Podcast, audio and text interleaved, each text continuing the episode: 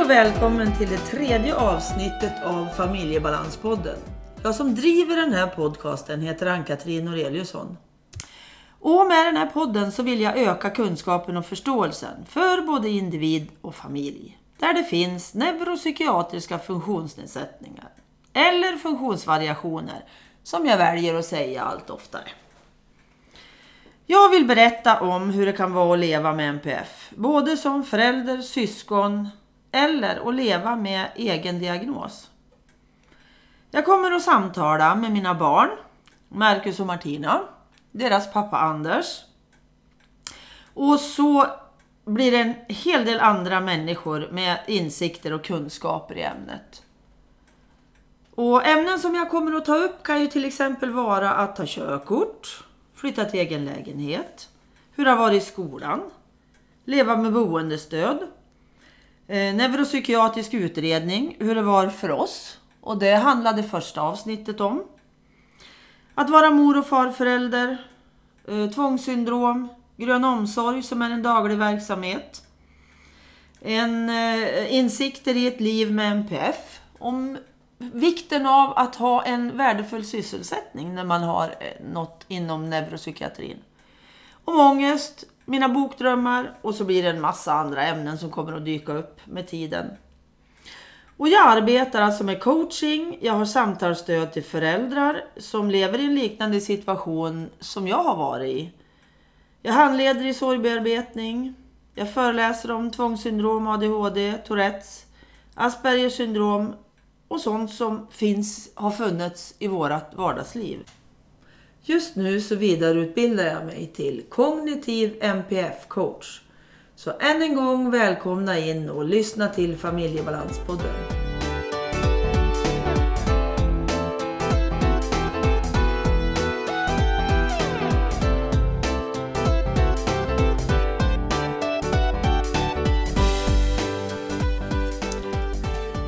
Välkommen Marcus! Tack så mycket. Idag ska vi prata körkort. Mm. Hur har varit för dig under tiden som eh, du har haft möjlighet att ta körkort. Mm. För det har ju gått några år sedan du fick börja köra. Nio år, tror jag. Jag Ja, är 25 nu och man får börja när man är 16. precis. Sant. Och då, när du var 16, Mm. Då gick ju vi, du och jag och pappa, Mm. en sån här handledarutbildning Ja. tillsammans på körskolan. Mm. Och så skulle du börja. Och vi var ute och övningskörde lite grann. Mm. Kommer du ihåg någonting från det? För det är ju ett tag sedan. ja, jag minns att vi använde en Saab som vi hade då. Mm. Och var ute på någon parkering. Och testade lite start och stopp och växling. Men det är i princip det enda jag minns. Jag var vi ute mer än en eller ett par gånger? Ja, några gånger var det. För att det, vi hade ju en manuell eh, växellåda på den bilen. Mm. Och du hade ju inga som helst problem med det tekniska. Mm. Men eh, på den tiden hade du ju väldigt mycket tvång och Mm. mycket tics.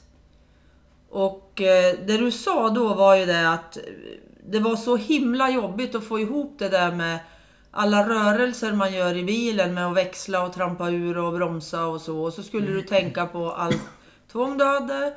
Och så ticka lite emellanåt och dessutom hålla koll på trafiken. Ja. Jag känner mig väldigt som att jag skulle bli en väldig trafikfara i och med att jag måste hålla koll då som du sa på trafiken och samtidigt hålla koll på växling. Och det kändes som att det vart så överväldigande. Och då med alla, all tvång som jag hade då som var mycket mer. Eller alla tics och sånt som var mycket mer även då än vad jag tror de är idag. Mm.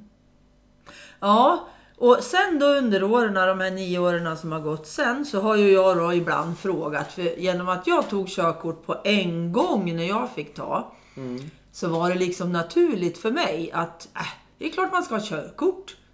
Och du var inte intresserad alls. Nej. Så jag frågade dig ibland, men Marcus ska du inte börja köra igen nu? Och då så sa du, nej, inte nu.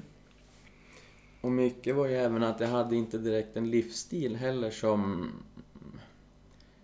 jag var i behov av att ha ett körkort i och med att eh, jag var ju, hade ju inte så mycket kompisar som jag var ute med och åkte runt till och så. Så att jag var ju mycket hemma och suttit vid datorn. Och även när jag flyttade hemifrån vid 20-årsåldern så hade jag inte heller något behov. Dels för att jag bodde i stan och jag var inte ute så mycket då heller. Jag satt ju mest vid datorn och hade ju inget jobb och så, så att det fanns aldrig något behov heller. Nej. Precis. Och så att jag inte kände mig mogen riktigt. Nej. Men du tog ju moppekort. Ja, Sån här för EU-moppen. ja just det. ja. Det fixar du ju. Och då var jag... Är man 16 då tror jag? Ja, fast jag tror jag var... Jag tror jag gick på gymnasiet då. Ja. Du gjorde nog det kanske 16. lite senare än... Ja, jag tror jag inte gjorde det direkt när jag fyllde. Det var lite senare har jag för mig. eh, Och det var ju också en fördel med den moppen då, genom att det var Mm. automat. Ja, Så var det ju inte så mycket att hålla reda på utav de här, eh, vad heter det, växling och allt sånt där. Då. Det Mm. var bromsa och gasa. ja. Och det själv. Och det räckte för dig. Men du hade ju inget svårt eh, att fixa det där med teorin och så. Då. Då när jag tog mig på kort. Nej. Nej, eller det minns jag inte så mycket av ska jag säga. Men jag vet att eh, tjejen då som jobbade där, hon satt med dig en del. Okej. Ja, när du gjorde frågor och sådär. Och Du fick stöd från henne och hjälpte dig att läsa och sådär. Även om inte du har svårt att läsa så var det svårt för dig att lita på vad du läste. Mm. Men det var så pass länge sedan så det minns jag ingenting Nej, precis. Men, sen då när jag har frågat lite mellan varven och under åren så har ju du sagt nej. Mm. Och då är det bara att acceptera för mig att nej men då, jag frågar någon annan gång när det har gått något år till och sådär. Men sen kom det ju så att du började på grön omsorg. Mm. För tre år sedan är det nu. Ganska precis. Och grön omsorg det kommer vi att berätta om i ett annat avsnitt också. Mer ingående vad det är för någonting och vad det har gjort för dig. Men då skulle du ju åka två och en halv mil, alltså fem mil ungefär om dagen skulle ju du åka för att ta dig dit. Mm. Efter en tid, när det hade gått två och ett halvt år ungefär, Mm. så kan du berätta hur du kände inför eh, transportresorna. Ja, i de där första två och ett halvt åren då så åkte jag ju med... Först, de första två åren åkte jag ju med boendestöd eller er. Ja, Men till slut så var jag ju tvungen att åka med något som heter Transport som kommunen håller i. Att de har mindre bussar som de skjutsar ut folk till olika dagliga verksamheter. Och jag åkte med det i ett års tid. Tror jag. Och till slut, nej det var något halvår tills jag kände att jag iddes inte mer för det var så trångt. Ja, trångt och allmänt, ja man... Men då kände du att det vart alldeles för jobbigt att åka med den här transporten. Så då tänkte Ja. du, nu. Ja, så det var i början på det här året, i mars någon gång, som jag kände att nu vill jag ta körkort så jag kan ta mig till och från jobbet ner, ja, lugnt. Och för att det var väldigt stressat på morgnarna med att komma iväg till bussen och komma ut och så att, ja, och komma upp och allting. Så då bestämde jag mig för att börja plugga för körkort då. Och det gick, det var ju lite pirrigt och jobbigt först med att träffa nytt folk och sitta där i en bil med någon som jag inte riktigt känner och så, men det var ett väldigt bra bemötande på trafikskolan. Det kändes tryggt. Mm. Så vad kan det ha tagit? Ett halvår? Från då i mars till nu i september så vart jag ju klar. Ja. Jo, och bilskolan måste vi ju säga har ju varit jätte, jättebra på Mm. att lyssna på dina behov, hur du ville ha det och passa in det till Ja. vad de kan stå till tjänst med. De var jätte... duktiga på att liksom anpassa och fråga inför då den här riskutbildningen, både e- första och andra. Och höra lite och ge information och... Mm. Det är ju två riskutbildningar man ska göra och den första är ju på bilskolan. Mm. Med, det filmer och allt möjligt. Och det var fyra timmar här för mig. Ja. Och du var ganska stressad över hur du skulle klara fyra timmar med en massa andra. Med tics och tvång och och- massa annat folk. Ja men precis. Men då hade den som skulle ha riskutbildningen. Hon kollade ju upp vart du ville sitta. Så att det skulle bli... Ja, hon frågade liksom och visade lite innan om jag inte minns fel och hörde för och så. Så det kändes bra. Mm. Och sen då var det ju dags för riskutbildning två och det är ju halkbana. Mm. Och då gjorde ju du också på ett lite annorlunda sätt, eller eget sätt. Du åkte ju inte med bilskolan. Nej, eller de, man, bokar man genom bilskolan så kommer de ju och hämtar upp från eh, halkbanan då. De kommer till bilskolan och hämtar upp och skjutsar dit och den ligger ju sju mil. Ja, ungefär. Det är strax Härifrån. söder om Söderhamn, så det är en liten... Det är en bit härifrån. Men då bokade vi privat så jag och pappa åkte dit. Mm. Så jag slapp sitta i en buss med massa okänt Mm. folk. Och ni liksom hade eran egen Mm. tid. Men ni var väl samtidigt som en Ja. massa andra, så du hade ju ändå Mm. alltså kompisar som du skulle köra med eller... Ja. Fast du hade lite tur där va, eller hur var det? Ja, de hade ju fyra bilar och vi var sex stycken. Så i två bilar var det två personer och i två bilar så var det en i vardera. Varav jag fick då en bil, så jag var ju själv i min bil. Och det kändes skönt. Mm. Och, och så har jag för mig att du upptäckte något annat där också. Att det var... Ja, jag var nog en av de som var minst nervös. Ja. Och hade det så så att... Och det är ganska skönt att se faktiskt. Ja. Att man tror att man är mest nervös och håller på att dö. Ja. Och så upptäcker man att det finns de som är så mycket mer nervös ändå. Mm. Så det är en häftig upplevelse Ja. och känsla ibland. Och sen då så var ju, om vi går tillbaks lite tills när du skulle börja ta körkort. Mm. Så klurar du ju på det där, för du var ju inte ett dugg sugen på att ha manuell växellåda. Det var ju det som stressade dig, det här med växlingen. Fast du inte har några problem med det. Nej, för jag vet och har nog alltid vetat att jag skulle ju klara det. Men just det jag kände för till slut att för att ändå komma igång till slut så kände jag att jag kör på automat. Så jag kan komma någon vart i alla fall. Mm. Och känna att jag kunde ta steget och börja. Och det kändes bra att till slut få komma igång och Det komma var, dit. precis, känns som att det var ett väldigt klokt beslut. Mm. Plus att vi hade ju automat i våran bil då. Ja. Så det var ju så enkelt att övningsköra också då. Ja, för skulle jag övningskört, köra den här mängdträningen med manuell också så skulle, så skulle det ju bli eh, ganska besvärligt i och med att vi hade ju bara automat. Mm. Så det kan ju även ha varit en Mm. bidragande faktor. Men eh, största, eller det som gjorde att jag tog beslutet att ta just för ma- automat var ju för att komma igång till slut. Ja, och slippa ett stressmoment. Mm. Har jag en känsla av. Ja. Precis. Vi har ju pratat lite grann om körskolan. Och deras jättebra bemötande. Mm. Sen gjorde de ju en fiffig grej då när det var dags för uppkörning. Då hade de ju också ett tänk då. För då hade du kört med Marie Mm. under hela tiden. Och jag hade varit med en par gånger tror jag. Ja. Och lika så ska vi ta det här med hur hon gjorde från början.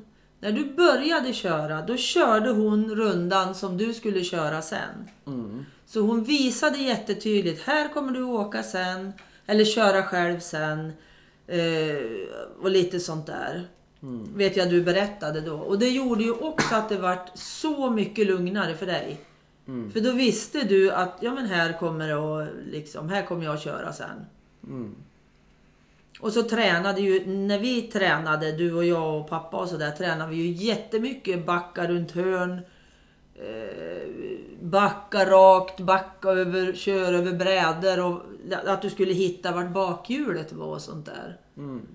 Bara för att få in det i kroppen från början. Var är bilen? Mm. Och du har ju varit jätteduktig så det har varit kul. Tycker jag. Jätteroligt att få följa din utveckling. Och pappa var med också någon gång. Och det där du sa inför uppkörningen som var bra var ju det att en fyra, fem lektioner innan så där så hörde hon av sig och frågade om jag ville testa övningsköra med en annan lärare en lektion just för att eh, ha, köra med någon annan än just hon som jag brukade ha inför uppkörningen för då är det någon helt främmande person så att och det kändes bra att hon meddelade innan men sa att om det inte funkar så kör jag med dig. Så det var jättebra att de förstod hur bra det är med förberedelser och alternativ och så. Mm. Ja, de har skött sig exemplariskt tycker jag. Ja, det var det jättebra. Ja. Och sen då när du hade gjort dina körlektioner, Mm. Som inte var fler än vad man vanligtvis kör. Mm. Så, och jo, det jag tänkte med att vi skulle prata lite grann just inför när du skulle in och ta te- göra teoriprovet för, inför uppkörningen. Det bokades tid för teoriprov på Trafikverket. Mm. Och eh, då skulle du gå dit och så skulle du göra din eh, skrivning. Mm. Ditt teoriprov. Ja. Och det som jag då tyckte var lite knepigt där, det var ju att det var väldigt dålig eh, information om vad man skulle göra när man kom dit. Fast det stod en hel del på pappret tror jag. Men stod det där att du först skulle gå in i den där kuren och fotograferas och så, så det skulle vara klart när teoriprovet Men började? det stod i alla fall att man måste ha giltig... Något kort. Fast just på plats stod det ju väldigt dåligt Ja. Det är det jag reagerar på. För att ofta så om man har någon ADHD-diagnos till exempel. Så krävs det ju väldigt mycket information, kanske både muntligt och skriftligt. Mm. Och att man har kollat läget innan eller fått möjlighet att titta in där. Men det var ju stängt då när du och pappa var dit och skulle titta Mm. hur det såg ut och fungerade. Då li- ett par dagar innan ja. Ja, för då, när, jag följde ju med dig dit då bara för att Mm. släppa av dig och sådär. Och, För när man kom dit så skulle man ju fotograferas innan. Men då trodde jag att man... Det gjorde de om man... De fotade i någon maskin. Men det skulle man tydligen gå och göra själv i något bås. Och knappa in uppgifter på skärm och så. Och knäppa kort på sig själv då med den där. mm, Så jag satt ju och väntade på att de skulle komma och... säga någonting. Ja. Men det, Ja, det var väldigt otydligt i alla fall. men det var en, min, en väldigt liten grej som inte... Ja, det är väl mig. det enda som har varit lite krångligt kan man ju säga. Nej, så jag menar det var en grej som inte störde mig så mycket. Nej, nej. Vilket tur. Det kanske störde mig mer. Ja. Så kan det vara. Jag tror jag bara var så inne på att gå in och göra de där frågorna så vart klar. Mm. Och det gick jättebra. Ja. Du klarade dig och hade godkänt med råge och Mm. kunde gå därifrån och känna att åh vad skönt, nu behöver jag inte göra det här en gång till. Mm. Och sen så tog det väl bara några dagar va, så var det dags för uh, körprovet i fråga om en uppkörning då. Veckan efter. Ja.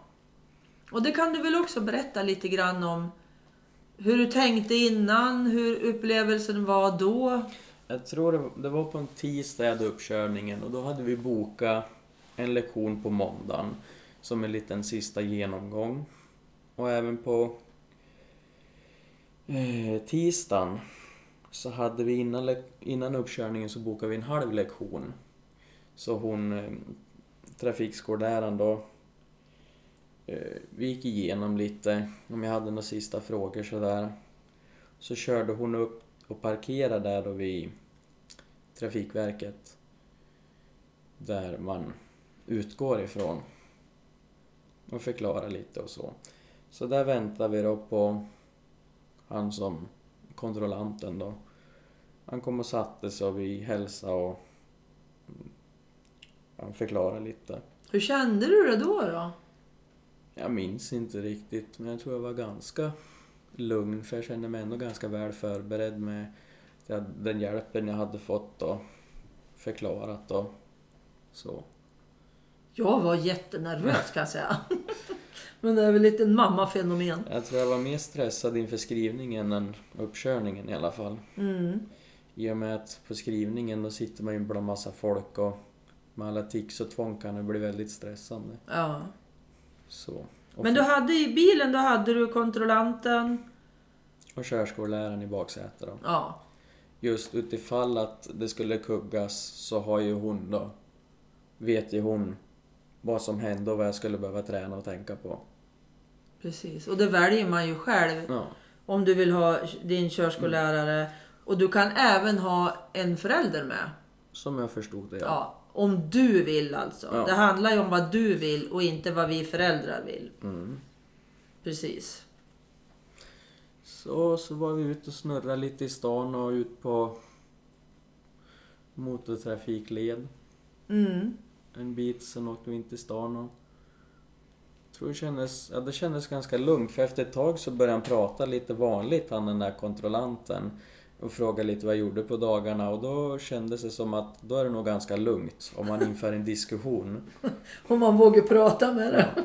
Så det kändes ganska lugnt och av, avslappnande. Ja. Att han började prata några gånger och fråga lite vad jag gjorde på dagarna och lite så. Ja. Så det kändes ju skönt, för då kändes det ganska lugnt. Ja.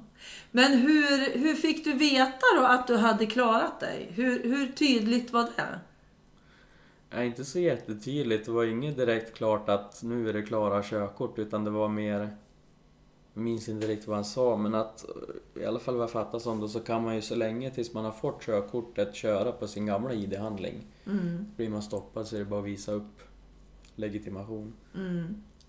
Och så. Och det tog nog...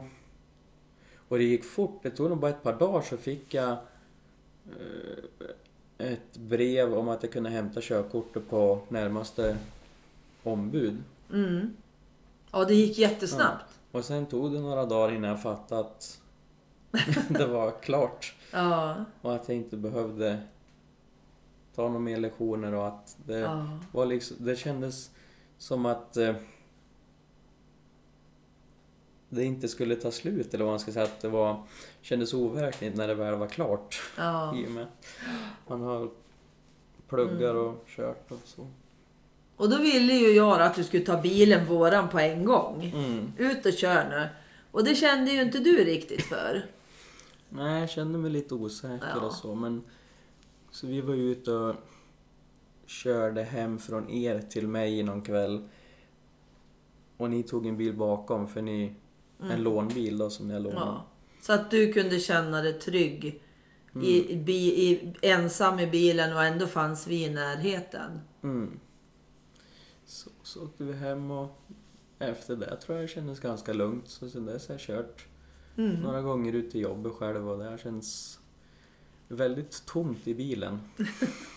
Ja, bilen blev helt plötsligt väldigt stor. Ja, Precis. men det känns väldigt stärkande, eller vad man ska säga, att man får vara ute själv och ta alla egna beslut i trafiken. Att man kan lita på oss, att jag kan känna att jag kan lita på mig själv. Mm. Så det har stärkt mig. Ja. Och friheten då, att man kan Mm. åka lite. Härligt. Mm. Men det var ju lite turer där med Transportstyrelsen också innan. För man ska ju ha... Mm. Man ska ju skicka in läkarintyg och det ska godkännas och så då. Genom att du medicinerar för din ADHD. Mm. Så var det ju väldigt många turer där innan och vi har väntat flera gånger på godkännande och svar. Och så det är ju en, en, eh, vad ska jag säga då, en ganska stressande period när man väntar på det. Men samtidigt så var det ju så att du hade, ing- kände ju ingen brådska Nej. Att ta ditt körkort.